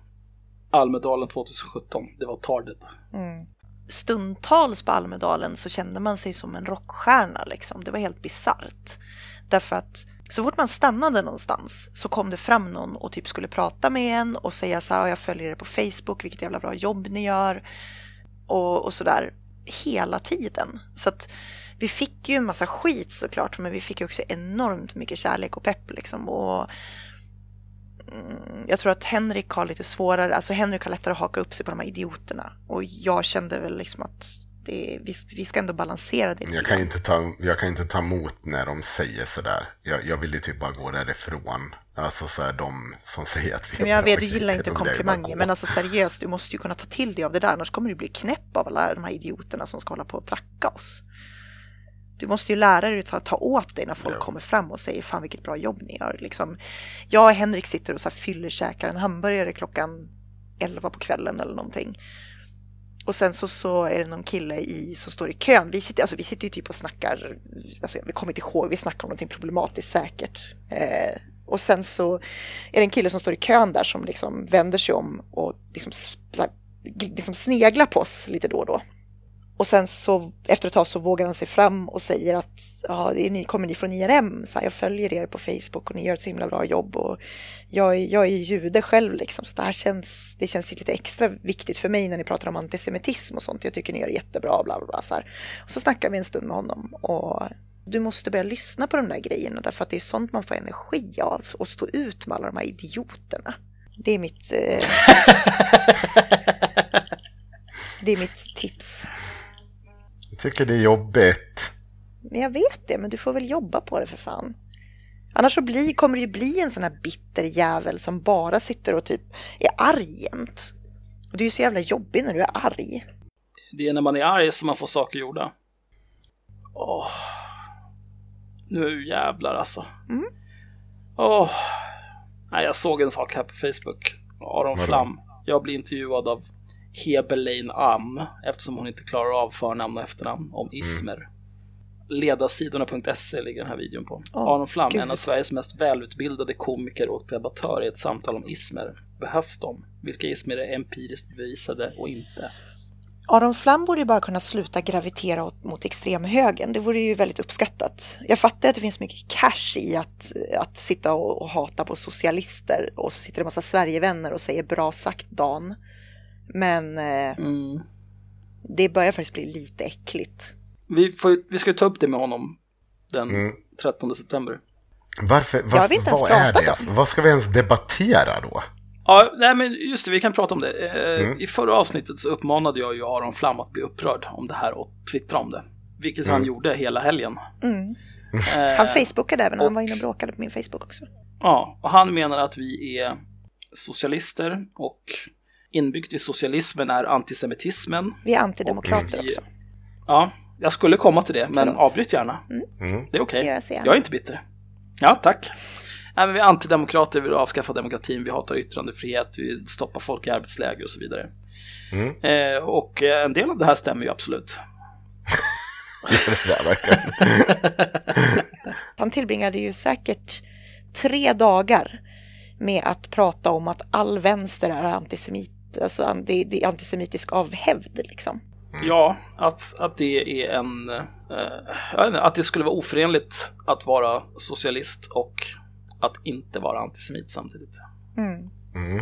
Eh, men visst, det, det blev ju kul. Och han har då pratat lite på Twitter och han vill debattera med oss gällande det här. Att vår, alla de här olika sakerna han påstår att vi är. Mm. Och jag sa att visst, men du får sköta all logistik. Så har han absolut. Och så har han bestämt 13 september som datum. Mer än så vet jag inte. Men jag utgår ifrån att han löser det där. Det är ju ett driftigt folk. eh, så jag, jag vet inte, ser fram emot det antar jag. Eller inte, Okej. jag ser verkligen inte fram emot det. Ja, det blev Ja, ju men det är en väldigt konstig utgångspunkt för en diskussion. Alltså diskussionen kommer ta slut där eftersom allt det här grundar sig i att vi skulle vara socialister så kommer diskussionen ta slut när han inte kan påvisa att vi faktiskt är socialister. Och vad finns det då att prata om? Alltså jag är ju väl socialist, för jag är ju demokratisk socialist. Ja, men du är ju sosse. Du är ju inte är socialist demokrat. på det viset. Ja, men jag är demokratisk socialist. Ja, ja visst. Bra. Nej men, nej, men bra, sabba allt Henrik. Bra. ja. Nu kommer vi få Fast sitta jag tror, att, jag, jag tror att jag kommer kunna argumentera ganska bra varför jag inte är antisemit också. Och varför det inte är inbyggt i... Fast det har vi redan gjort. Det är ju det vi har gjort hela jävla helgen på min vägg. Har inte du sett det? Ja. Det funkar ju inte. Det spelar ingen Alltså jag har inte orkat titta på det här. Det har ju varit total jävla galenskap. Mm. Hur fan ska jag kunna... Alltså det har ju varit så jävla konstigt. Jag har inte fattat någonting. Jag Bara... Det enda jag har ju sett är ju du skickar meddelanden till er. Är det här på allvar? Jag, jag tycker det är kul. Ja, det var ganska roligt. Fast, fast det kommer samtidigt det kommer ju vara så jävla konstigt. Ja, men alla hans Sverigevänliga följare tycker att det är jättekul givetvis. Eh, Jo, det är klart. Ja. Men det är som när Hanif Bali postade en bild idag. Där han dricker mjölk. Och sen gör han det här jävla okej-tecknet. Som allt högern har approprierat. Ja. Eh, Arla bjuder på mjölk. Och så dricker han mjölk och det är toppen. Jag kommer inte riktigt ihåg vad jag skrev, men det var någonting riktigt drygt. Eh, kul att den här jävla sopan inte ens orkar låtsas längre. Han räknar väl med att bli personkryssad av allt högerns alla meme-faggots. Eh, Hanif tyckte att det var homofobiskt uttryckt. Någon hejbanken tycker Fan Axel, säg inte att du också använder dig av allt högern onkel Tom-argument. Inte du, du är bättre än så. Håll dig till sak, inte person. Du vet inte ett skit om mig, jag är inte alls bättre än så. Men jag svarade, om du tolkar det där som en husplatteanklagelse är du dum i huvudet. Att Hanif lajvar Peppe är fakta. För det är det han gör. Ja. Och det är det Aron Flam gör också. Och det kan de ju roa sig med liksom, men eh, när de här, alla de här jävla pellejönsarna, Sverigedemokrater, Nordiska motståndsrörelsen och all sån där skit, där de är klara med ensamkommande flyktingbarn och alla andra de hatar. Alla som inte har fått deras tillåtelse att vara kvar i landet, som Bashir till exempel, för att han är tillräckligt svensk trots att han är svartskalle. Ja, alltså det är intressant att de här människorna på något sätt, alltså de borde ju ha märkt vid det här laget hur pass mycket Fairweather Friends den här rörelsen är. Vad heter det? Hanif Bali råkade ju ut för det här på Twitter väldigt ganska nyligen. Jag vet inte om jag pratat om det här i podden förut, men det var ju ett så tydligt exempel på det. Hanif Bali är ju väldigt omtyckt bland alla de här Sverigevännerna och bara så här, ah, det här är en riktig invandrare, liksom, ni vet så här, han är okej. Men sen så läckte, eller så läcktes det, men det började repostas någon gammal debattartikel han hade skrivit i Aftonbladet där han hade berättat om rasismen han utsattes för eh, i det svenska samhället. Eh, och då var ju alla plötsligt skitarga på honom och tyckte att han var islamist liksom. Eh, så att, Ja, jo men det är klart. så att, det, är, det är precis det där som är grejen, att sekunder du säger emot de här galningarna så kommer de vilja kasta ut dig precis som alla andra. Det känns så jävla... Hur dum är man om man inte förstår det? Det finns en, en fabel om, eh, vad fan är det för någonting? Det är typ en sköldpadda och en skorpion. Nej, grodan och skorpion. Skor, grodan Grodan och skorpionen. Skorpionen vill över till andra sidan eh, om en flod. Eh, frågar grodan, kan jag få lite skjuts? Grodan säger ja, fast kommer du inte hugga mig så att jag dör? Nej, varför skulle jag göra det? Om jag hugger dig när vi är på väg över, då sjunker vi och då dör jag också. Halvvägs över så är det klart skorpionfittan hugger grodan. Så dör de båda två och så frågar grodan, varför gjorde du så här? För att jag är en skorpion. It's what we do. Precis. Och de här är ju ormar och skorpioner. Fast inte lika coola som skorpioner. Ja, nej, men det är så. Däremot, apropå det här med eh, Onkel Tom. Eh, Hanif Bali är ju ensamkommande flyktingbarn. Men, bara för att man är svartskalle behöver man inte tycka som alla andra svartskallar. Man får tycka precis vad fan man vill. Alla de här som håller på och kallar honom för husplatt och sånt där, kan fan brinna i helvetet. De ska också till arbetsläger direkt. Det är ännu äckligare rasism. Att så här, ja men nu är vi på samma lag här, för vi är svartskallar allihopa, då måste vi tycka samma sak. Nej, det måste vi inte, för du är sjuk i huvudet. Ja. Bort från mig. Det vill säga uttrycket rasifierad, som egentligen är liksom att en person är ju inte rasifierad, en person blir rasifierad. Alltså det är en process i hur andra ser dig. Absolut. Jag skulle vilja säga att det här med husblatteriet, det är samma sak. Det är ingenting du är, det är någonting du blir. Alltså Sverige, Sverigevännerna kan mycket väl eh, rasifiera någon till sin, sitt, vad ska man säga, sin token eh, svartskalle liksom. Ehm, därför att det passar deras syften. Men det gör ju inte att personen är det. Förstår du hur jag tänker? Då? Absolut. Alltså, jag, så här. Om du ser... Man ska inte anklaga de personen i fråga utan man ska anklaga rörelsen som använder dem som det. Jo, men om man ser Hanif Bali eh, och vet att han heter Hanif Bali så står han där i sitt talibanskägg. Då skulle man rasifiera honom som någon form av utlänning eller någon form av invandrare eller någon form av person med invandrarbakgrund. Men däremot om du bara skulle läsa vad Hanif Bali skriver, då skulle du nog rasifiera honom som etnisk svensk tillhörande Sverigevännerna. Mm. Det är ju det det handlar om. Precis. Eh, Och om man då kombinerar det här Sverigevänsretoriken och heter Hanif Bali och är lite svartmuskig, då sitter man, sätter man sig själv i en prekär situation. Alltså. Ja, Alltså, det, jag, jag, jag kollade på bilden nu. Alltså det är ju ganska intressant att han börjar köra det där racet. Alltså just uh, alt-right-grejen. Jag vet inte om Moderaterna riktigt är redo för det. Jag, jag tror att han räknar med eh, antingen att bli personkryssad, eftersom det går ju åt helvete för Moderaterna nu. Mm. Han räknar med att bli personkryssad för att han är ju trots allt, han har väl liksom fler följare i sociala medier än vad övriga svenska politiker har tillsammans. Ja. Och Ja. sen så i värsta fall så kan han väl om det går, jag, vet inte, jag, jag kan tänka mig att han har nog inga problem att sälja ut och gå över till Sverigedemokraterna om det är det som krävs. det tror inte jag heller. Nej. Jag tror inte han är så ideologiskt övertygad liksom på så vis. Nej. Ehm, det var någonting jag skulle säga. Jo, Heberlein Ann har ju sagt någonting utvecklingsstart också. Eh, Ja. Har, nyligen, har hon inte? Jag försöker komma på vad det är. Ja, hon har väl säkert sagt något idag. Ja, vänta, vi ska se. Hon har sagt någonting jättedumt igen. Eh, pausmusik. Ja, just det, det tänkte jag inte ens på. Det är ju inte bara att han gör Peppe-tecknet, eller det här jävla, vad man nu ska kalla det. Det är också, eh, det här- just det här med mjölk är ju också, Jag har ju bilder från eh, Konrad när han sitter och gör det där tecknet på i Estes tält. jo men det är också det här med mjölk, är ju, har ju blivit någon slags Alltså vad fan är det som tjuter i Stockholm? Ja, inte fan vet jag, det är någon jävla brandlarm eller något, ryssen kommer eller någonting, vem vet. Det är, ja, Gotland får lösa det där, upp med några jas. Men i alla fall, det här med mjölk, det är ju, har ju blivit någon slags vitmakt, vitmaktgrej i USA. Om de kan hålla Vänta, käft här ursäkta, ute. gå, gå. Får jag fråga en sak? Det räcker. Är det bara hos dig? Ja, det är hos mig de låter. Ja. Eh, men Shia LaBeouf, han satte ju upp någon så här videoinstallation. Det är bara en kamera som livesänder dygnet runt. Eh, och tanken var, det var efter att Trump vann presidentvalet och med en slogan som var He will not divide us. Och den har ju blivit hijackad av de här jävla allt högerpacket. Och de, de står där och dricker mjölk dagarna i ända och typ heilar.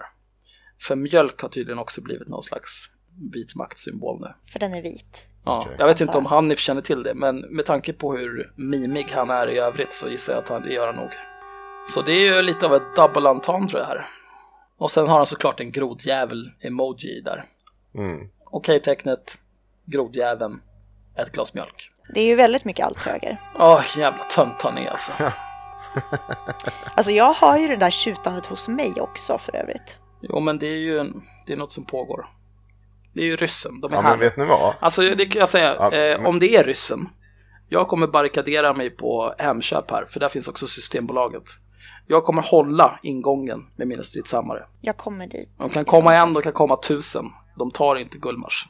Bara så att ni vet så slår jag upp nu eh, text-tv. För att kolla så att ni inte har fått något sånt där jävla... Att det är någon jävla utsläpp eller något sånt där. Ja, det är bra att du kollar det. Jag orkar inte bry mig. Nej, inte jag heller. Alltså, om, om jag dör nu, då behöver jag inte gå till jobbet imorgon. Och det vore ju fan awesome. Jag känner att jag har gjort mitt för världen nu under Ja, Almedalsveckan. Får jag prata om Ann Heberlein nu? Absolut, prata om Ann Heberlein.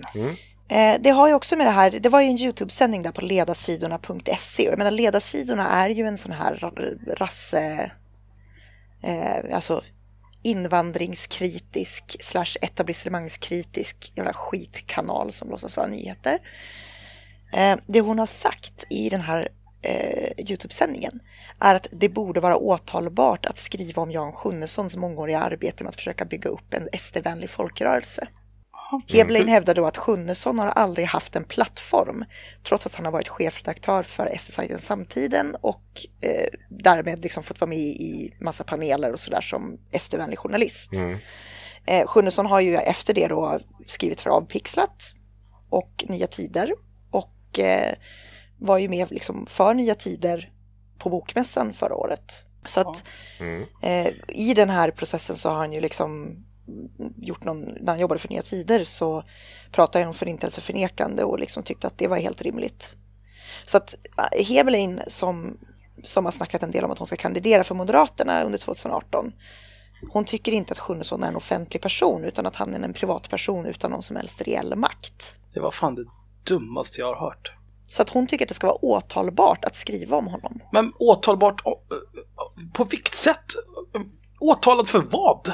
Alltså för att typ man ska förbjuda granskning av honom för att han är en privatperson. Ska vi stifta en speciallag för att Sjunnesson är en jävla sopa?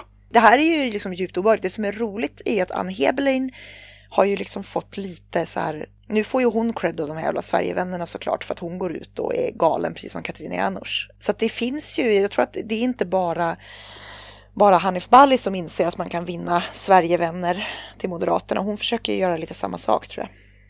Ja, i och för sig. Varför- väl, jag kan tänka mig att det där är ju... Det här kan säkert vara sanktionerat om man ska bli konspirationsteoretisk av sig. Moderaterna tänker så här. Men hörru Heberlein Ann. Eh, kan vi inte göra så här att du säger lite helt sinnessjuka grejer? Eftersom du är, du är ändå fucked i det offentliga ändå med alla idiotier du har kläckt ur dig genom åren. Och så ser vi om du får någon respons på det så kanske du har en... Säg att vi sätter dig på plats 20 på riksdagslistan. Ja, alltså, Jag har tittat väldigt mycket på House of Cards den senaste tiden. ja, man blir lite lätt konspiratorisk då.